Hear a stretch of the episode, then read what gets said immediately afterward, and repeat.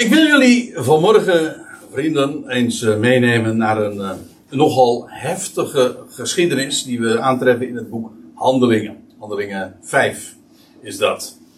En dat is de geschiedenis dus, zoals u hier achter mij ziet, geprojecteerd van Ananias en Zavira. En het is een beetje lastig uh, in het algemeen voor het begrip, omdat die geschiedenis zelf van Ananias en Zavira, die begint in Handelingen 5 vers 1. Maar in feite moet je het direct voorafgaande daar ook bij betrekken. Want dat maakt namelijk deel uit van deze geschiedenis. Dat is namelijk uh, de inleiding daarvan. Dus uh, de hoofdstukindeling is nou niet uh, zo al te gelukkig, want het zet als lezer een beetje op het verkeerde spoor.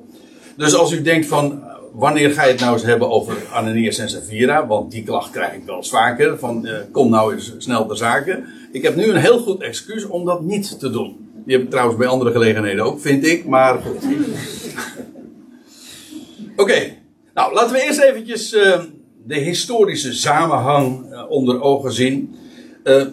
deze geschiedenis vindt plaats in Jeruzalem.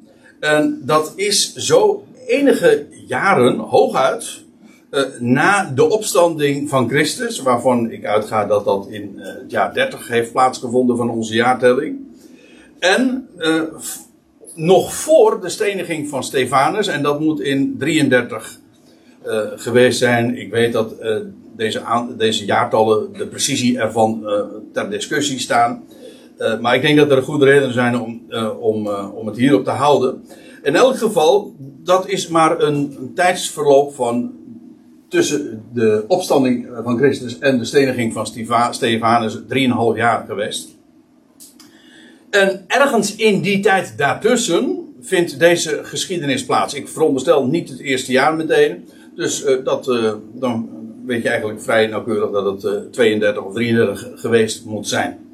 In ieder geval om een indruk te, te hebben ook van de, dat het allemaal nog zo kerstvers was. Zeg maar de grote feiten van, die wij kennen vanuit het Nieuwe Testament, namelijk de dood, maar bovenal de opstanding van Jezus Christus, had allemaal nog maar zeer, zeer recent op die locatie ook plaatsgevonden. En de gemeenschap, de Ecclesia, of de, het, de gemeenschap rond het getuigenis van de apostelen, die, uh, die groeide trouwens heel sterk.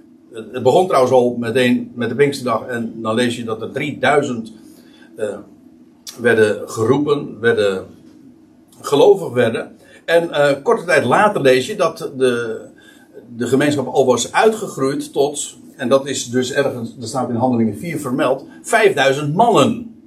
Zo wordt het geformuleerd. Dus de vrouwen en kinderen zijn nog niet eens meegerekend. En uh, dan kom je dus, als je die wel zou meetellen, zou je al tot een gezelschap van zo'n 10.000 mensen komen. Zo om en nabij. En het is een hele spannende tijd geweest. Sowieso om wat er zojuist allemaal had plaatsgevonden. Allemaal die, die geweldige feiten in het jaar 30. Uh, uiteraard, wat ik zojuist al noemde, niet alleen de opstanding, maar uh, en de, de hemelvaart. Maar goed, dat was een betrekkelijk uh, intiem gebeuren. Wat slechts een betrekkelijk klein aantal mensen hebben meegemaakt en gezien. Tien dagen later, de Pinksterdag, dat was een heel groots, grootse gebeurtenis, omdat dat heel veel ophef daar in Jeruzalem veroorzaakte, vanwege de wonderlijke tekenen die bij die gelegenheid plaatsvonden. En die tijd, de jaren daarna, tot de steniging van Stefanus, dus in die drieënhalf jaar, hebben er enorm veel wonderen en tekenen plaatsgevonden.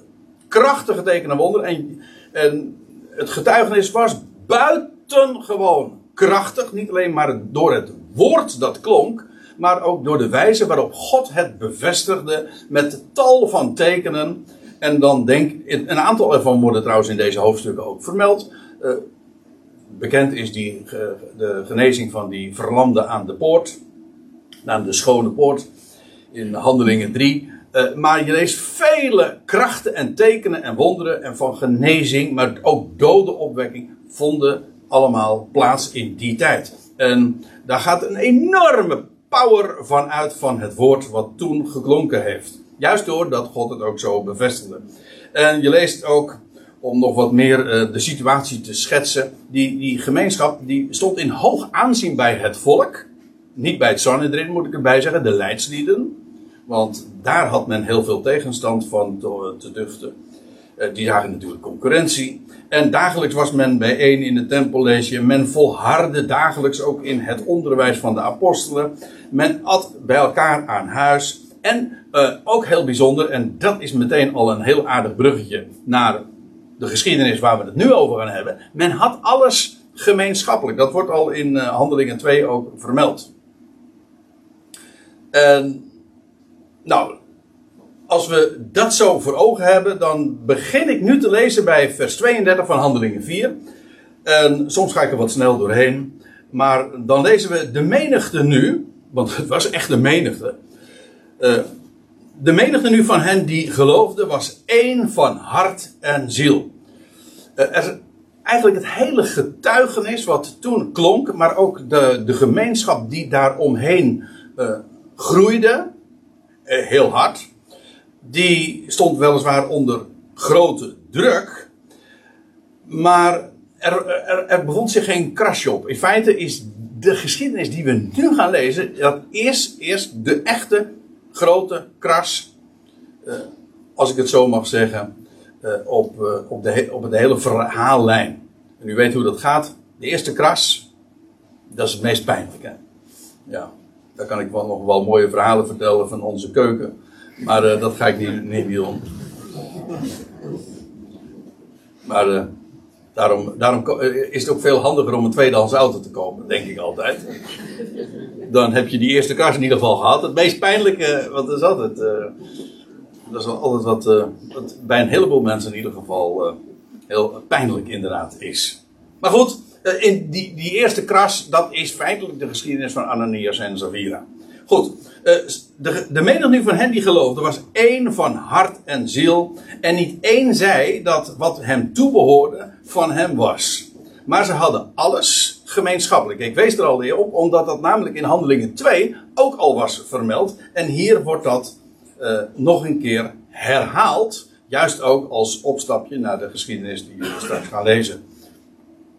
Ik moet er trouwens bij zeggen, want het wordt wel eens een keer zo geïnterpreteerd van, eigenlijk was het een soort van communisme wat men daar had. Men had geen eigen bezittingen en men deelde alles met elkaar. En dat is communisme, maar eh, dan eh, kijk je wel heel erg oppervlakkig. Want u weet, uh, communisme, dat is eigenlijk het principe dat hanteert, dat, dat als slogan heeft, al het uwe, alles wat van jou is, dat is van mij. Maar hier is het omgekeerd, namelijk, al het mijne, dat is van jou.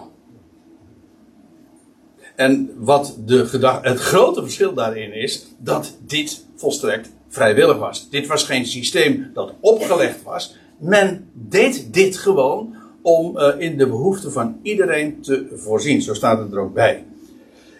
En dan staat er in vers 33: En met grote kracht gaven de apostelen, en dan wordt hier speciaal gedoeld op de twaalf, het getuigenis van de opstanding van de Heer Jezus Christus. Ja, want u moet zich realiseren, zij waren dus ooggetuigen. Dus als hier staat getuigenis, dan heeft dat niet alleen maar de klank van en de betekenis eh, dat zij ervan spraken. Ik bedoel, dat doen wij ook. Wij spreken ook van de opstanding van Christus, maar wij zijn geen getuigen daarvan in de juridische zin van het woord. Een getuige, dat is een ooggetuige, iemand die dat zelf heeft gezien. Wel, deze mensen, niet alleen de twaalf, want er waren er honderden, dat weet ik. Maar niettemin, uh, hier gaat het dan specifiek over de apostelen. Zij waren ooggetuigen van de opstanding van Christus. Kijk, iedereen in Jeruzalem die wist dat Jezus was gekruisigd. Ik bedoel, dat was geen nieuws.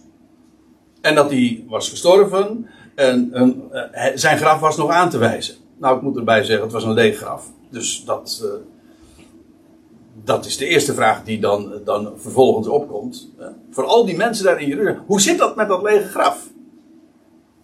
Nou ja, daar was een goede, nee, geen goede, daar was een verklaring voor. De officiële, de mainstream, zeg maar, verklaring in Jeruzalem in die dagen was, ja, dat de discipelen hebben dat lichaam van Jezus gestolen. Wat een bizarre uitleg is trouwens, maar goed. Dat vonden trouwens ook uh, velen. Want het was niet voor niks dat het getuigenis zo enorm ook onder het volk aansloeg. Uh, maar het, nieuw, het, het geweldige was dat uh, wat, de, uh, wat de, de twaalf, de apostelen inderdaad spraken. Hij is opgestaan uit de doden als eersteling en als garantie voor de rest die volgde. Nou ja, dat is eigenlijk ook het bewijs dat hij inderdaad de Messias is. Eigenlijk door zijn opstanding, dat had Petrus al in Handelingen 2 ook gezegd. God heeft hem, de Jezus die jullie hebben gekruisigd, tot Heer en tot Christus gemaakt. In feite, vanaf zijn opstanding is hij officieel ook de Christus. Israëls Messias. En ze hebben dat niet alleen maar als ooggetuige doorgegeven, ze hebben dat ook gestaafd vanuit de schriften en gedemonstreerd van hij is degene die de profeten en in de Tenach in het algemeen, in de Hebreeuwse Bijbel, is voorzegd. En dat hebben ze, de bonnetjes hebben ze voortdurend bijgelegd. En het was trouwens niet alleen maar dat het zo uh, zou gebeuren en waar het zou gebeuren, maar ook wanneer het zou gebeuren. Alles zou uh, wees op dit ene grote feit. Met grote kracht gaven de apostelen daarvan getuigenis. En, en er staat erbij, en er was grote genade op hen allen. Dat wil zeggen, op allen die daar luisteren en die geloofden. En die woorden, uh, dat woord genade, dat is uh, charis. We hebben al vaak bij, de, deze gelegenheden opgewezen. Genade, dat, dat, is, dat is vreugde om niet. Dat is eigenlijk een heel goed Nederlands woord dat dat ook weergeeft, en dat is gunst. Genade, genade heeft bij ons vooral ook de klank van, van vergeving en dat je iets, iets niet aanrekent en je verleent genade. En in de zin van ook gratie. Maar het, het woord is uh, veel breder. Wat mij betreft ook dieper. Het is gewoon vreugde om niet. En, en dat is daarom eh, gunst zou een perfecte, perfect woord ook zijn in dit verband. Er was grote gunst op hen allen. En wat betekent dat? Nou, er staat, want niemand was behoeftig onder hen. En dus het is ook heel concreet. Zij werden allen begunstigd. En, nou, en werkelijk, eh, ze kregen om niet. En dat bevestigt precies waar ik het zojuist over had. Men had alles gemeenschappelijk. En degenen die behoeftig waren, die werden voorzien. En dat is inderdaad die om niet. En God bewerkte de harten van, van die hele grote groeiende geloofsgemeenschap zodanig. Hè, dus men was één van hart en ziel. Men hield van elkaar. Men, men, uh, men deelde de maaltijden thuis. En kortom, er was grote genade op hen allen. Want niemand was behoeftig onder hen. Want zoveel bezitters waren, dit is een wat letterlijke weergave. Want zoveel bezitters waren van stukken grond of van huizen, die verkochten dat. En ze brachten de opbrengst van de verhandelde goederen en plaatsten die vervolgens aan de voeten van de apostelen. Dat was de procedure die men. Uh, dit is dus niet een voorschrift. Dit is een. Dit is geen. Hier wordt niks voorgeschreven, hier wordt beschreven. Dat is een groot verschil. Het is geen wet. Dit is gewoon zoals het ging. Zo deed men dat daar. En uh, het is, zo staat het, want zoveel bezitters waren van stukken grond of van huizen. Uh, ze, kennelijk, iedereen deed dat. Niet omdat het moest, maar omdat dat. Omdat dat uh, in hen leefde. En de opbrengst die wordt geplaatst aan de voeten van de apostelen. Houd die uitdrukking even vast, want we komen hem vaker tegen. En vervolgens, het werd uitgedeeld aan een ieder die nadat men behoefte had. En dat waren in de praktijk dan vooral ook, dat weten we dan uit handelingen 5, nee, handelingen 6 weer, dat waren vooral ook de weduwen, die niet in staat waren om in hun eigen behoeften te voorzien. En er werd uitgedeeld, en dat uh, deden de, inderdaad de apostelen, en toen dat allemaal te groots werd, eh, dan lees je dat daar wat onmin eh, ontstond. En dan, en dan delegeren de apostelen dit vervolgens aan een aantal mannen die zij daarvoor uitkiezen. En dat heette dan diakenen. Wat- Wat het gewoon dienaren betekende. Zij assisteerden daarin de apostelen. Een van hen was trouwens Stefanus. Ja. En dan. En nu komen we bij de eigenlijke inleiding tot de geschiedenis. Jozef nu, die door de apostelen Barnabas werd genoemd. De aardigheid is dat hij wordt hier gewoon als Jozef geïntroduceerd en vervolgens verdwijnt hij van toneel. Dat is, eh, als ik het zo formuleer, vrij eh, typerend. Want zo gaat dat wel vaker met Jozefen. Hoe zeg je dat? In meervoud. Hoe, eh, eh, ja, Jozefen. Ja, bij ons, in de, bij ons in de familie is er een andere, Jozefsen. Hoe is het ook weer, ma? Jovers. Oh ja, die had het over.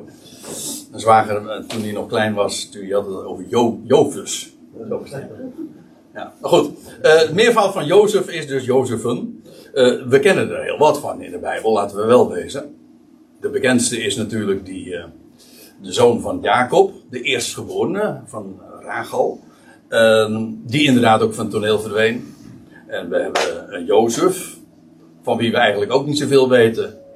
Behalve dan dat hij de wettige vader was van Jezus, maar die verdwijnt ook van toneel. En Jozef van Arimathea, die verschijnt niet bij de geboorte, maar bij de wedergeboorte, bij de opstanding van eh, de Heer Jezus. En die verdwijnt ook weer van toneel. Dat, een zeer rijk man. En nou deze Jozef. En ja, nou ga ik iets opperen wat ik niet kan bewijzen, maar waar, eh, wat ik ik, wat ik trouwens niet zelf heb uitgevonden, maar er zijn mensen al, eh, al eerder eh, geweest die dat hebben geopperd. Andere mensen wijzen, zeggen dan weer van nee, dat, dat kan niet waar zijn. Maar goed, ik, ik geef het even door voor wat het waard is. Je leest als er een vervanger gezocht moet worden, eh, ja, ja, gezocht moet worden voor Judas, voor de lege plaats van Judas, dan worden er twee namen genoemd, twee kandidaten. En dan wordt vervolgens het lot eh, geworpen. En dat lot viel op Matthias. Ja. En, maar er was nog een andere kandidaat. En die was, heette Jozef Barsabas. Dat is als, lijkt als twee druppel water op Jozef Barnabas. Vandaar ook dat ze zeggen, ja, dat is gewoon zoals eh, je dat heel vaak hebt eh, bij namen. Hè, dat eh, de een heet Ruud en je, je kan ook zeggen Rudy, weet je wel. Dat zijn gewoon varianten in de uitspraak of van de manier waarop dat aangeduid wordt. En in diezelfde sfeer zou dat in dit geval ook kunnen liggen. Dat, die, dat deze Jozef, die hier genoemd wordt, dezelfde is als de Jozef eh, die trouwens ook nog de bijnaam in het algemeen had van Justus, eh, die in Handelingen 1 vers 23 genoemd wordt. Hij wordt dus niet aangewezen als de twaalfde. Hij is dus eigenlijk de nummer 13. Ik vind, ik vind het toch wel boeiend hoor. Ik zeg al, eh, absoluut bewijzen kan ik het niet. Het tegendeel eh, valt ook niet te bewijzen. Maar eh, de suggestie vind ik eh, in ieder geval heel boeiend. En vooral ook omdat hij eigenlijk eindigt dus als nummer 13. Maar goed, ze zochten de 12, dus in feite was hij dan eh, oninteressant voor die geschiedenis. En als ik zeg de nummer 13 apostel, dan zeg je ja wacht even, maar dat was toch Paulus? Ja, nou dat bedoel ik nou, want deze Jozef heeft heel veel van doen met Paulus. Want, eh, kijk, hij werd door de apostelen, deze Jozef, hij wordt alleen hier Jozef genoemd en voor de rest, hij komt in het boek Handelingen nog heel veel voor, want hij speelt een grote rol in, de, vooral in verband met de figuur van Paulus. Eigenlijk alleen maar in verband met de figuur van Paulus. Maar eh, hij heet dan nooit meer Jozef. Hij heeft dan altijd standaard de naam Barnabas. En ja, in welke functie ver- vervult hij in het boek Handelingen? Hij was in feite de beschermheer van, van, van, van Saulus. Je leest dat als Saulus geroepen wordt eh, op de, de weg naar Damascus, dan, eh, nou ja, en dan gaan er trouwens nog drie jaren overheen voordat hij dan weer terug is in Jeruzalem. En als hij in Jeruzalem komt, dan is de grote argwaan, want niemand wil eigenlijk wat iets met, met die Saulus van Tarsus van doen hebben. Want ja, als er één beruchte naam was, dan was hij het wel. En dan lees je dat Barnabas zich over Saulus, zo heette die toen nog, ontfermde. En dan lees je dat eh, Barnabas eh, met Saulus ook naar de apostelen gaat en hem als het ware introduceert bij hen. En Saulus, of de, oh, pardon, deze Barnabas ontfermt zich dus over, over Saulus. Dat is wat we vervolgens van hem weten. En dan, uh, in hoofdstuk 11, dan lees je dat die, die Barnabas zich in Antiochië, daar in Syrië bevond. En dan zoekt hij op een gegeven ogenblik weer Saulus op, die inmiddels weer uh, bij moeders thuis was in Tarsus. Staat in Handelingen 11. En dan is het Barnabas die Saulus uit Tarsus haalt en weer uh, bij het werk gaat betrekken. Weer Barnabas. En vervolgens lees je in Handelingen 13 dat uh, deze Barnabas met Saulus de eerste, zoals dan genoemd wordt, zendingsreis onderneemt. Barnabas en Saulus. En eigenaardig, je leest iedere keer Barnabas en Saulus. Standaard. Totdat Saulus Paulus wordt. En dat is in Handelingen 13, vers 9.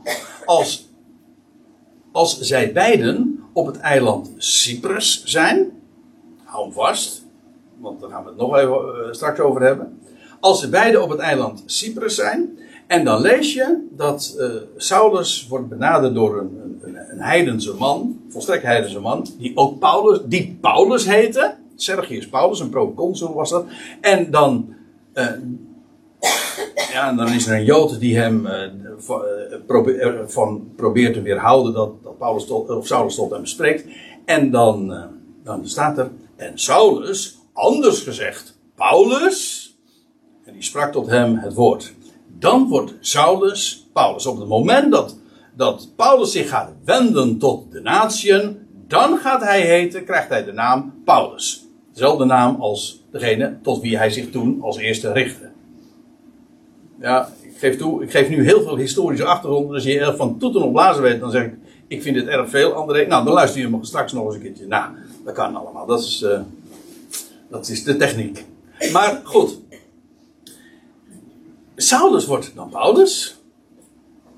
Vanaf het moment dat hij zich tot de natie werkt. Zij werken nog uh, heel lang samen. Handelingen 13, 14 lees je daar uitgebreid over. Handelingen 15. Maar vanaf het moment dat Saulus Paulus wordt. Dan is het nooit meer Barnabas en Saulus. Maar is het iedere keer Paulus en Barnabas dan krijgt als het ware Paulus het primaat, de voorrang. Vanaf dat moment. Maar één ding moet duidelijk zijn: die Barnabas, die speelt die rol juist in het boek Handelingen vanwege het feit dat hij gelinkt is aan de naam van Saulus, zo u wilt, Paulus.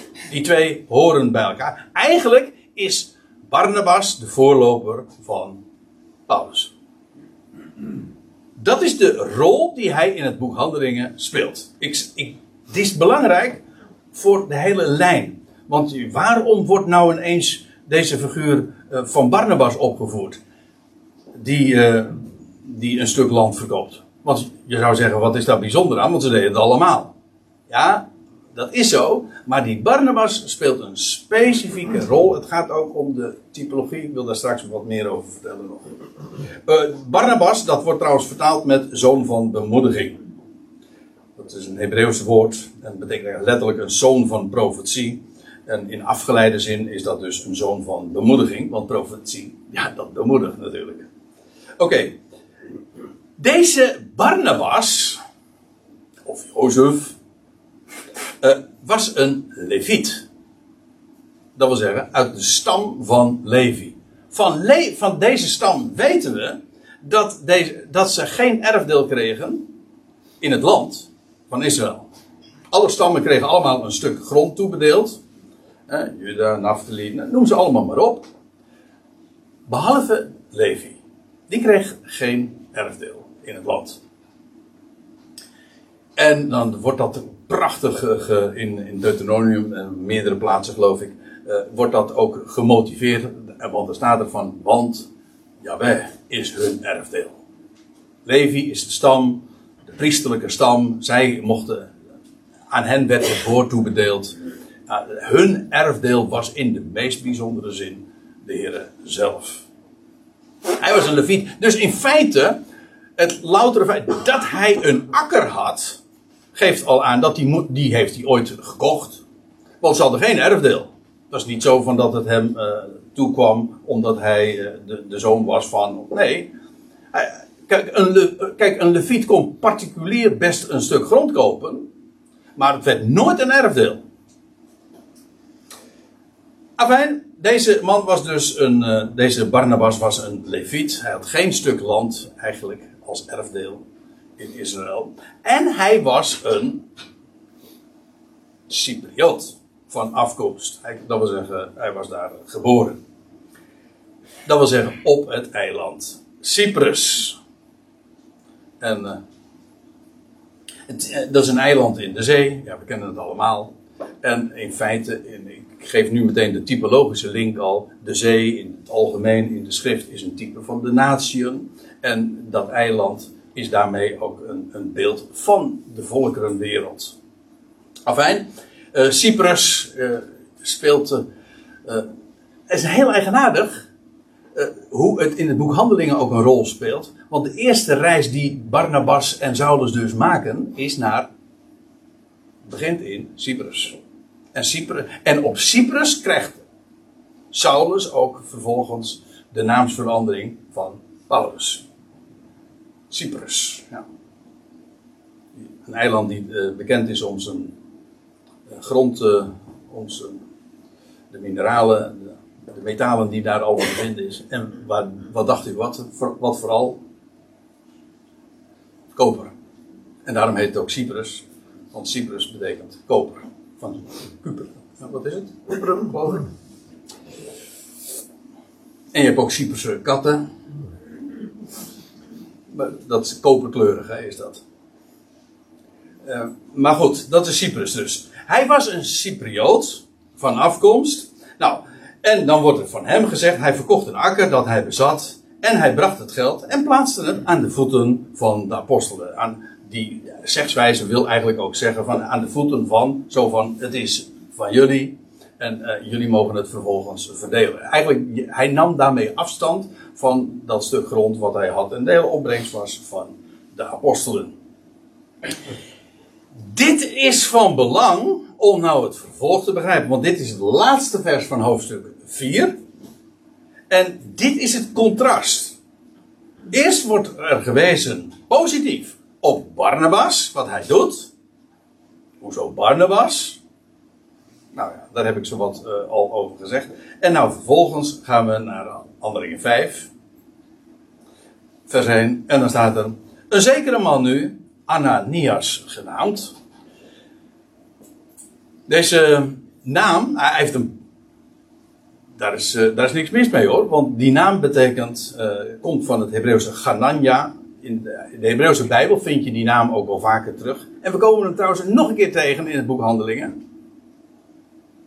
Namelijk die man die in Damascus woonde. En die op bezoek ging bij Saulus, die zojuist blind, die ja, een paar dagen eerder blind was geworden. Dat was ook Ganania. Jaweh is genadig, betekent dat. En hij had een vrouw, die heette Safira. En het wordt in verband gebracht met Sippora, met Sifra. Uh, maar één ding is uh, één, uh, sowieso duidelijk, en dat is dat het te maken heeft met het woord safir. Die is niet zo moeilijk, hè? Dat is gewoon een edelsteen. Weet u dat trouwens, het, het, onze naam voor het edelsteen safir komt ook uit het Hebreeuws. En dat uh, betekent zoiets als uh, prachtig, liever iets in die, in die geest. Maar het is in ieder geval de naam van een edelsteen. En ook met die naam is helemaal niks mis. Dit echtpaar, Ananias en Safira, die, nou althans hij, hij verkocht samen met zijn vrouw een bezitting. Later weten we dat dat inderdaad een stuk grond was. Maar uh, hij hield, dan en nou komt het. Hij hield van de opbrengst achter, met medeweten ook van de vrouw van hem. En uh, dit woord, hij hield van de opbrengst achter, dat, is, uh, dat klinkt wat neutraal misschien, maar het is, als je ditzelfde woord komen we in Titus 2 ook tegen, en dat betekent het ontvreemden. Het is dus echt negatief en het is uh, nog uh, frappanter. Want in de, in de Griekse vertaling van het Oude Testament, de, de zogenaamde Septuagint, uh, daar vind je dat Agan dat ook deed. Dit is, dan wordt hetzelfde werkwoord gebruikt als wat hier gebruikt wordt. Je ziet het in de interlineair, daar staat hij ontvreemde. En het idee daarbij is, hoezo ontvreemde? Hij was toch niet verplicht om, om alles te geven? Nee, maar op het moment dat je zegt van, dit is de opbrengst, de totale opbrengst van het stuk land. En je geeft, en, maar je houdt iets achter, dan ontvreem je in feite van datgene wat je, vreemd, wat je hebt gegeven. Toch? Want je zegt, dit is de opbrengst van het land, terwijl je in werkelijkheid iets hebt achtergehouden. En dit is, uh, dit is van belang trouwens, denk ik, om, om, om goed te zien wat hier nu eigenlijk uh, fout ging. Want uh, Kijk, dan staat er van hij bracht een zeker deel. Ja, want hij hield namelijk achter. En plaatste dat aan de voeten van de apostelen. Kijk, hij speelde, dat is het idee. Hij speelde de, dat de totale opbrengst van, de, van dat stuk land was gebracht. Terwijl het een zeker deel was. Was daar iets mis mee? Op zich? Nee, natuurlijk niet. Hij was, volkomen, hij was toch volkomen vrij om, om dat stuk. Hij, had, hij hoefde het niet te verkopen. En als hij het verkocht, kon hij altijd nog een deel gewoon voor, voor zichzelf houden. Dat is het punt ook niet. Het probleem hier is ook niet dat hij te gierig was. Het probleem was dat hij acteerde. Hij speelde. Of, uh, weet je wat het Griekse woord daarvoor is? Hij was een hypocriet. Een hypocriet betekent letterlijk een toneelspeler. Hij deed alsof, maar het was niet zo. Hij deed alsof hij de hele opbrengst gaf, maar dat deed hij niet. Dus het punt was niet dat hij gierig was. Het punt was dat deze Ananias samen met zijn vrouw uh, Safira bedroog. Hij loog over dat wat hij deed. En, en, dan, en dan, dat wordt in, uh, vervolgens, als hij bij Petrus dan komt, scherp aan de kaak gesteld. Hoe Petrus dit wist, weet ik niet. Het kan te maken hebben met, uh, met wat hij aan informatie van Ananias krijgt. Maar in ieder geval staat er, Petrus nu zei, Ananias, waar, waarom heeft de tegenstander, de Satan, uw hart vervuld om de Heilige Geest te bedriegen? De Heilige Geest, dat wil zeggen God zelf. Hè? Ja, God is geest.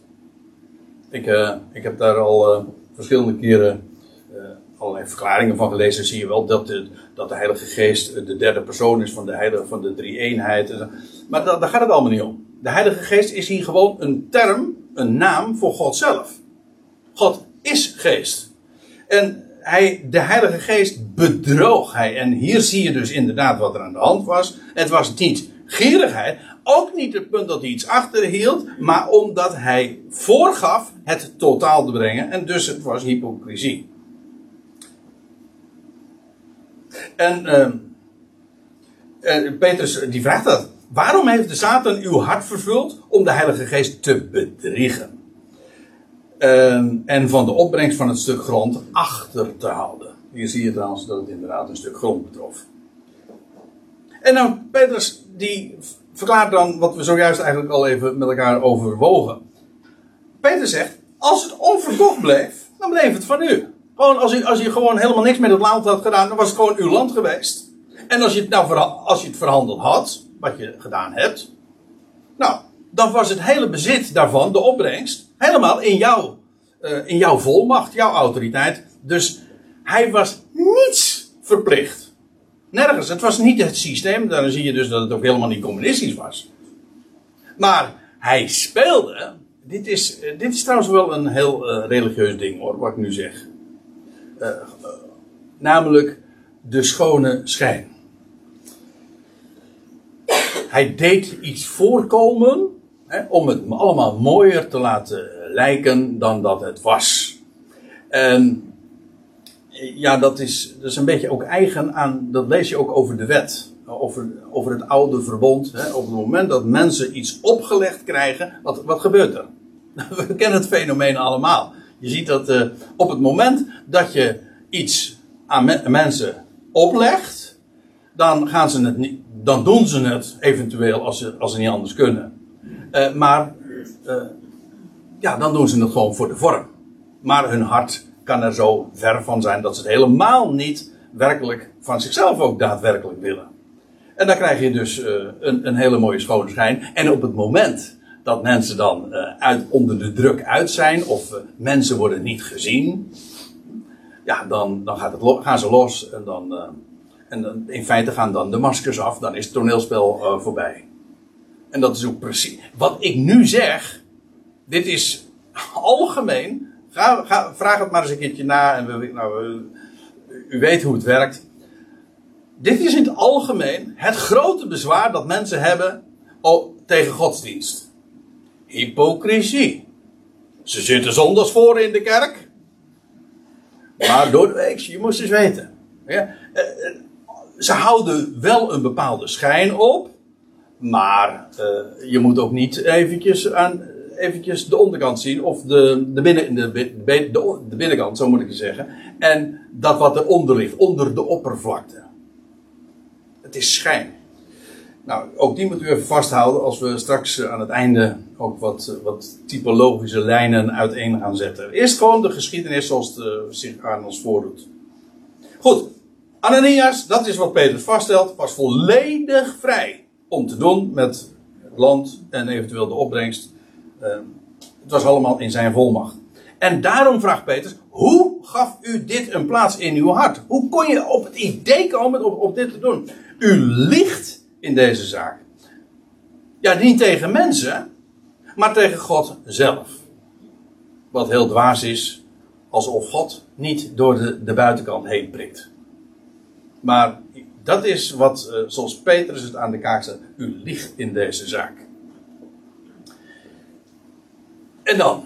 En nou gebeurt er iets waarvan ik denk, ik ben blij dat het vandaag niet altijd zo werkt. Want uh, je, had je niemand levend meer over. Maar ja, dit is die eerste kras dus. Hè. En terwijl Ananias deze woorden hoorde, viel hij ter ziele. Ja, dus uh, ik geef toe, het is een wat rare weergave, maar ik doe dat. Ik, ik formuleer het uh, in de vertaling zo, omdat het zo letterlijk ook staat. Hij viel ter en er kwam grote vrees over alle die het hoorden. Ja, dus dat, hij viel. Ja, en dan uh, hij is ter ziele, letterlijk hij uitzielde, wat natuurlijk gewoon totaal geen Nederlands begrip is. Maar u moet zich realiseren, het woord ziel in de Bijbel. Kijk, de mens is een ziel. Ja. Een arme ziel. Ja. Of uh, maar gewoon uh, zielig. Uh, maar een ziel. En in zijn totaal. En je leest in Genesis 2 al dat God nam stof uit de aardbodem.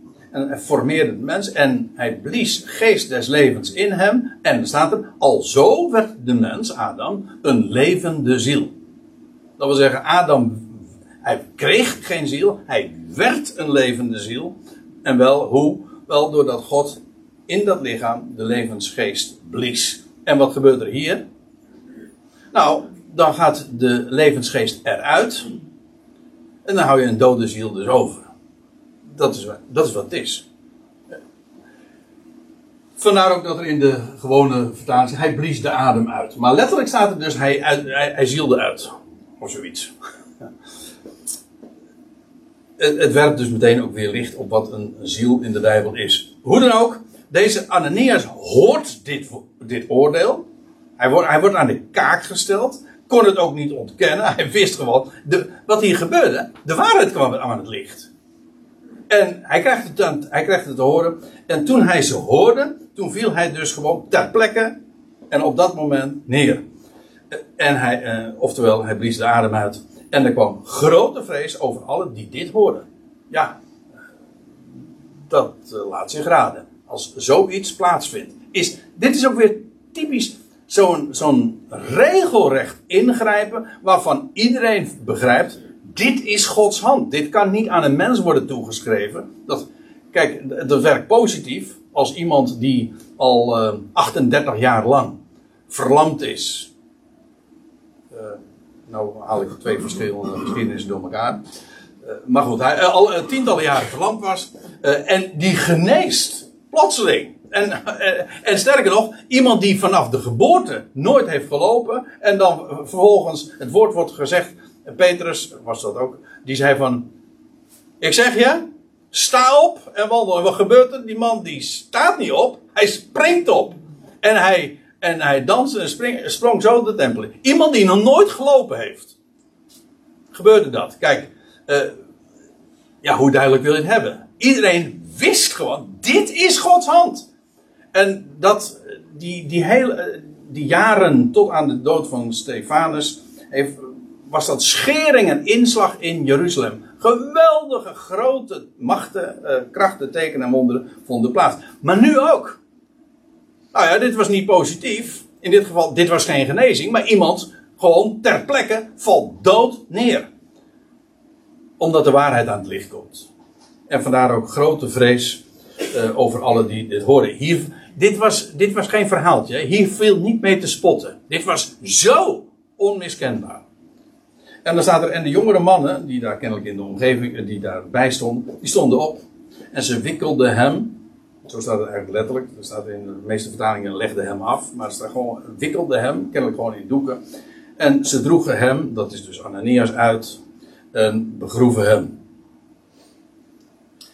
En staat er dan in vers 7. Het geschiedde met een tussentijd van ongeveer drie uren. Zo wordt het genoemd, een tussentijd, een interval. Uh, van ongeveer drie uren. Termijn kennen we uit uh, de Evangelie. je leest dat de Heer Jezus, op het, uh, toen hij aan het kruis hing, op het twaalfde uur s middags, toen werd het duister in het land. En dat duurde voort tot het derde uur aan toe. Dat was drie uur, drie uur middags. Drie uur lang was het duister. Dat, dat geldt hier trouwens ook. Eh, in de figuurlijk, in de overdrachtelijke zin van het woord. Maar in ieder geval, eh, in die tussentijd van drie uren. Uh, en daarna, dan lees je. Het geschiedde dat met een tussentijd van ongeveer drie uur. dat zijn vrouw, onwetend van wat er geschied was, binnenkwam. Er zei veel. Ze woonde misschien wat verderop. In ieder geval, het was haar nog niet ter oren gekomen. Drie uur later komt zij daar. Hm? Wat is er? Ontgaat mij iets? Dat was al, uh, binnenkomt, was al, hij al begraven was. Ja. Ja. Ja, dat, nou, begrafenis vindt natuurlijk op de, in, in het Midden-Oosten, zeker toen de, toen de tijd, uh, meteen op de dag zelf uh, plaats. En trouwens, uh, dat wordt al van, van iemand die ter dood gebracht was, was, was dat zelfs ook, wordt dat uit, expliciet in Deuteronomium ook verplicht. Dat wil zeggen, iemand moest op de dag zelf nog voor de avond moest uh, begraven worden. Maar inderdaad, uh, zij was dus niet bij de begrafenis. Hij was ook niet effectief. Sorry? Was ook niet Nee. Nee. Uh, ik had niet gedacht dat, dat de reacties deze kant op gaan. Want ik heb hier eigenlijk niet zo eigenlijk nog bij de voorbereiding nog stilgestaan. Van hoe zit dat nou eigenlijk met Safira? En dat, dat, dat die jongere mannen en Petrus eigenlijk Safira zo. Maar. Ja, je leefde helemaal tijd. Ja, en ik, ja, maar ik denk trouwens dat hier uh, nog iets aan uh, speelt. Dat weet ik eigenlijk wel zeker. Petrus wist wat hier aan de hand was. Want het, uh, dit was niet alleen een daad van Ananias. Maar ook van Savira. Het was eigenlijk gewoon van wie volgt. Hoe dan ook. zij wist van niks. En dan komt ze vervolgens dus drie uur later daar binnen. En ze komt daar binnen en Petrus antwoordde haar: Zeg mij of jullie het stuk grond voor zoveel betaald hebben gekregen. De vraag is duidelijk. Ze kon gewoon nee zeggen. Dat was namelijk de waarheid. En dan was er helemaal niets aan de hand. Helemaal niets. Als, hè? Met haar niet.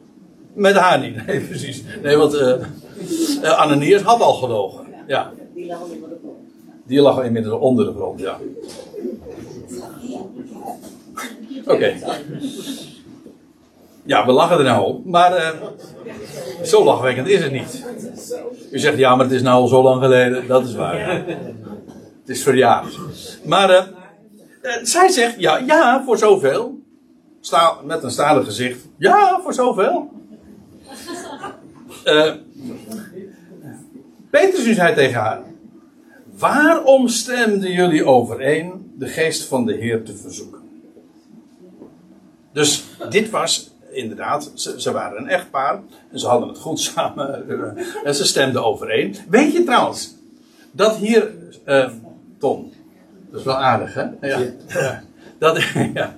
Jij, jij, jij denkt nu bij jezelf, waarom noem je mijn naam in, de, in verband met deze geschiedenis? Nee, ik noem jouw naam niet in verband met deze geschiedenis. Ik noem jouw naam in verband met dit woord wat hier gebruikt wordt. Hier wordt namelijk in het Grieks het woordje symfonio gebruikt.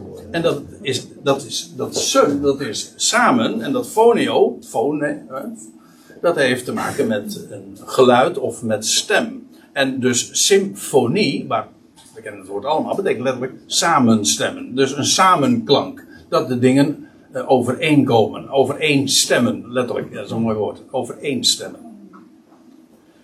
Dat is symfonisch. Dus dit- zij waren symfonisch, zo staat het er eigenlijk, zij waren symfonisch tot het besluit gekomen om een deel achter te houden. En, en moet ik zeggen, achter te houden en niet eh, te zeggen, sterker nog, om voor te wenden dat het een totaal was. Dus het is de leugen die hier eh, regeert en, en eh, die hier zo duidelijk op de voorgrond treedt. Waarom stemden jullie overeen? Dus zo symfonisch was het allemaal. Eigenlijk was dit een. eh, symfonisch als het was, was het toch een wanklank. Dat is duidelijk. Waarom stemden jullie overeen de geest van de Heer te verzoeken, uit te proberen? Denk je nou werkelijk dat je daar ver mee komt? Bizar, eigenlijk, als je er over doordenkt. En hoe, hoe mensen, ook in het algemeen, misschien mag ik eventjes die link ook leggen. In het algemeen, het is de leugen uitspreken, is niet alleen maar moreel verwerpelijk, hè, dat je een ander bedriegt, maar het is ook, dat geldt trouwens voor zonde in het algemeen, het is dom. Het is per definitie dom om te liegen en te bedriegen. Waarom? De waarheid komt altijd aan het licht. En hoe langer het duurt, en hoe langer je het onderhoudt, hoe meer moeite je ervoor moet doen trouwens om het te onderhouden. Dat is één. Eh, maar het wordt ook steeds pijnlijker op het moment dat het aan het licht komt. Zonde betekent letterlijk ook doel missen. Dus het is, wij denken vooral altijd van het is moreel verwerpelijk, het is slecht. Maar zonde hoeft niet eens slecht te zijn. Het gaat erom, het is gewoon je, misdoel. En de waarheid komt altijd aan het licht. Dat is, ik moet zeggen, eh, dat, dat, is, dat is een geweldige troost. Het geeft namelijk aan dat als, je in als daar de leugen speelt en je lijdt daaronder, of je wordt vals beschuldigd van dingen, dan, dan is het een fikse troost, kan ik je vertellen. Je kan gewoon rustig achteroverleunen. De waarheid komt aan het licht.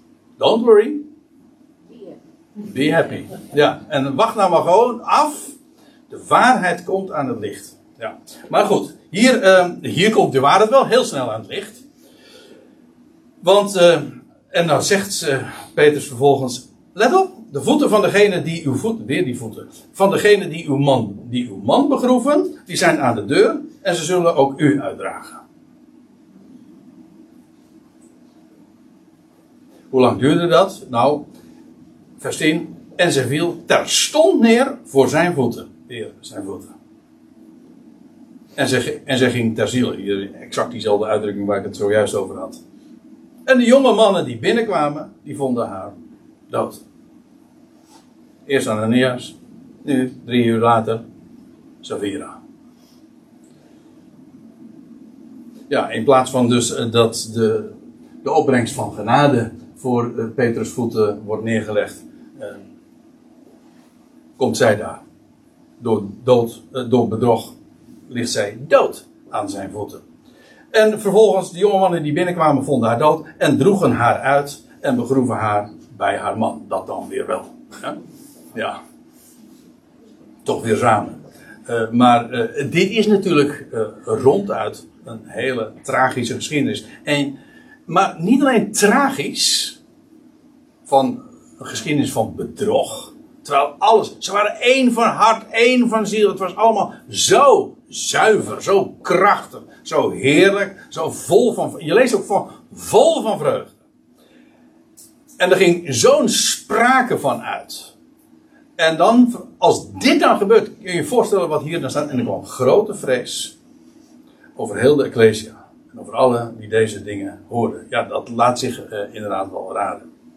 Nou, dat is de geschiedenis. En je kan zeggen, ja, dat is, dat is inmiddels zo lang geleden. En dit is historisch. En zo is het gegaan. En, en wij trekken onze les eruit. Ja, maar er zit hier nog iets in. En dat wil ik heel graag uh, uh, nog ook aangeven. En ik heb natuurlijk al een aantal hints in de, de richting gewezen, uh, gegeven. Van ja, wat de diepere zin is die hier onder deze geschiedenis schuil gaat. En dat moet duidelijk zijn. Ah, ik, ik roep nog even in herinnering wat ik zojuist zo zei over, over Barnabas. Waarom wordt Barnabas zo voor het voetlicht, ge, voor het voetlicht gebracht? Terwijl iedereen daar al die duizend mannen die, die, die, die, die verkochten voor zover ze bezittingen hadden, verkochten ze hun bezittingen en deden dat. Waarom dan die Barnabas eruit gelicht? Dat is één ding. En dan deze geschiedenis. Uh, heeft dat iets te maken met de hele lijn in het boek Handeling? En dan, dat kan niet missen. Dat is iedere keer weer het geval. Lucas beschrijft niet alleen maar historisch, zo van, zo is het gegaan, toen uh, gebeurde dat, daar, op dat was de locatie en dit is de gang van zaken. Oké, dat is historie. Dat is, dat is, en Lucas doet dat. Maar telkens weer zul je zien in geschiedenissen dat daar heel veel symboliek en sprake van uit. Het is niet zomaar dat dat gebeurt.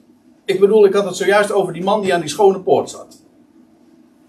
En die dan vervolgens genezen wordt. En en dat, dat, uh, dat was tegen het uur van het gebed. En dan, dan lees je, die man die herstelt. En hij spreekt zo. En vervolgens, uh, ja, een hele. Een hele het, het voort dat, dat daar natuurlijk ontzet is. Wat er gebeurt hier. En dan lees je dat Petrus opstaat. Daar, het is daar bij het tempelplein. En dan houdt hij een reden. En dan zegt hij. Van ja, wat met deze man gebeurd is. Dat zou met jullie gebeuren. Namelijk, jullie zijn zwak en lam. Ik zeg het nu even met mijn eigen woorden. Maar op het moment dat je net als die man opziet naar boven, dan zullen jullie inderdaad ook hersteld worden. En dan zal, en dan wat er dan gezegd wordt, als Israël, als natie, ook de leidslieden, tot bekering komen en in een Messias gaan geloven, wel dan zullen ze hersteld worden en, en, en leven in hun lichaam ontvangen en opspringen. Nou, wat Petrus zegt dan, deze geschiedenis is niet alleen maar geschiedenis. Nee, dit is een type. Namelijk van, eh, hier gaat er sprake van uit. Deze man is een type van Israël. Namelijk wat ze zouden doen. En dan is inderdaad, eigenlijk Israël lag bij de schone poort. Misschien het in die dagen, ik heb er al zo vaak ook bij deze, in deze samenkomst op gewezen. In die dagen had het koninkrijk gewoon kunnen, kunnen aanbreken. En als Israël tot bekering was gekomen in haar Messias. Dat is wat Petrus in handelingen die verkondigt. Maar weet u, dat gaat vooral die geschiedenissen. Die, daar gaat, we hebben hier ooit eens een keertje, dus jaren geleden, dat was nog in uh, Soetermeer, uh, over de uh, diverse samenkomsten over de schipbreuk van Paulus, dat is handelingen 27 gehad. Dan zeg je, waarom wordt dat zo beschreven? Ja, omdat daar een sprake van uitgaat omdat het precies de, lijn van het boek Handelingen illustreert. In feite, het zijn allemaal illustraties ook van wat, uh, van wat God te melden heeft. En dat zie je hier ook. En dat wil ik heel graag uh, eens laten zien. Kijk, in dit geval, Ananias en Safira zijn, ze zijn typen, beelden, schaduwen, illustraties van het volk in Jeruzalem dat de Heilige Geest tegenstaat. Lijkt me niet zo moeilijk, hè? Ze staan de Heilige Geest heel duidelijk en expliciet en demonstratief tegen. En men feinst. Maar dat is precies ook wat uh, de Joodse religie, in maar de religie in het algemeen, ook verweten wordt. Ook in het boek Handelingen zie je dat. Uh, het is de schone schijn. Uh, keeping up appearance, zeggen ze dan in het Engels. Dat is zelfs een tv-programma die zo heet. Hoe heet dat ook weer? Schone schijn. Schone schijn. Oh, dat heet het schone schijn zeker. Oh ja. Bouquet. Ja, precies die. Ja, nou in ieder geval het fijnzen.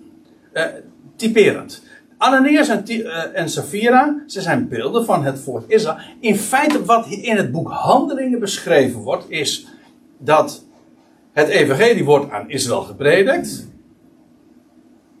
Velen onder het volk geloven het getuigenis. Ik heb daar ook op gewezen. Maar de leidslieden, de regering, het Sanhedrin, verwerpt het.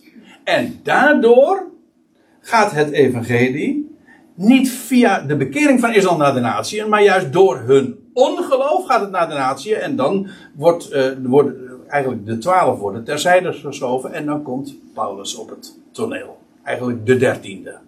Nou, dat is de lijn van het boek Handelingen. Het begint in Jeruzalem, het eindigt in Rome. Het begon bij de twaalf, het eindigt bij Paulus, bij de dertiende. Het begon met de oproep tot bekering en het eindigt met: jullie kunnen je niet eens meer bekeren.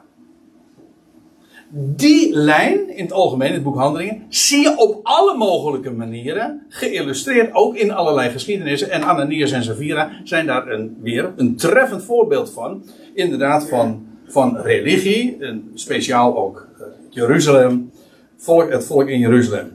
En de dood die beiden treffen, die symboliseert het, het, de fatale, het fatale einde van de stad. Van de heilige stad, Jeruzalem. Twee keer. Eerst in het verleden, in het jaar 70. Toen werd de stad Jeruzalem verwoest. En vervolgens, na een tussentijd, is het ook, eh, gaat de stad, maar dat is nog steeds toekomst, toekomst, in de nabije toekomst, eh, namelijk eh, op de derde dag, na 2000 jaar, derde dag, zal Jeruzalem opnieuw her, eh, verwoest worden. Ik weet, niet iedereen eh, is daar zo blij mee. Ik, ik, ik trouwens ook niet. Maar, eh, maar het feit, niet iedereen is er zo blij mee dat dat verteld wordt. Want ja, een heleboel mensen die denken dat als de Heer Jezus straks terugkomt, dat hij komt in, in, op de Olijfberg en dan gaat hij linea recta naar Jeruzalem en dan gaat hij zo een toespraak houden in de Knesset of zoiets. Nou, echt niet. Die, de stad Jeruzalem wordt verwoest. En eh, nou ja, dat is een hele, heel, hele geschiedenis wat de Bijbel daarover beschrijft. Maar in ieder geval, Jeruzalem wordt opnieuw weer verwoest. Eh, Een fataal einde. Wat Ananias en Safira overkwam, dat is in feite typerend voor het Joodse volk in, in het verleden en in de nabije toekomst. En inderdaad, die tussentijd van drie uur heeft alles te maken met die drie dagen, of zo u wilt, de twee dagen, oftewel op de derde dag. Het, is ook een, het wordt ook genoemd een tussentijd. In feite leven wij in die tussentijd. In die pauze. Paulus betekent ook pauze. Een tussentijd, onderbreking. Kijk, en Ananias en Safira, dat is waar ik het, eh, wat ik eigenlijk ook naar, naar voren breng. Die zijn een type van hoe het afloopt met religie, het algemeen, met de Joodse religie in de stad Jeruzalem. In het verleden en in de nabije toekomst. Oké, er zit een tijdspanne tussen. Maar op dezelfde grond ondergaan ze hetzelfde weer. Dat wil zeggen, wat er ooit overkwam, wat Jeruzalem ooit overkwam, overkomt hen opnieuw. Ja, dan gaat het eh, anders worden. Maar, en het contrast, en dat is, eh, dat moet duidelijk zijn. Ananias en, en ze worden neergezet als de, de, de, de, de tegenpool, als de tegenstelling van het contrast van eh, Barnabas. En Barnabas, ja, die staat model voor Paulus. Eigenlijk is de, de figuur van Barnabas niets anders dan de voorbode van Paulus. En ik daag u uit, kijk het nog maar eens na in het boek Handelingen, hoe, welke rol Barnabas speelt. Barnabas wordt hier genoemd. Eigenlijk, hoezo Barnabas? Nou, pas later wordt duidelijk van ja, Barnabas, dat is die rechterhand van Paulus, weet je wel, in dat duo. En Barnabas is degene die de dertiende Paulus introduceert. En wat je dus ziet, is aan de ene kant hoe uh, de, uh, het, het, getuigenis van Jeruzalem, uh, het getuigenis in Jeruzalem, in, ongeloof wordt ontvangen en dat eindigt in de dood. Dat is het ene verhaal, dat is Ananias en Savira, verleden en toekomst. En aan de andere kant het contrast dat in die tussentijd geldt, namelijk de boodschap van Barnabas en dus Paulus. En dit is illustratief voor wat uh, Lucas in het hele boek Handelingen beschrijft. En ik vind het van belang om ook dat te zien. Dit is dus veel meer dan alleen maar een geschiedenis. Dit is een boodschap die ons spreekt van ja, wat, uh, wat God doet en de lijnen die hij trekt en hoe hij uh, nu in deze dagen Jeruzalem en het Joodse volk terzijde laat en zich richt tot de natieën om straks de derde dag weer de draad op te pakken. Nou, daar wilde ik het voor vanmorgen graag bij laten.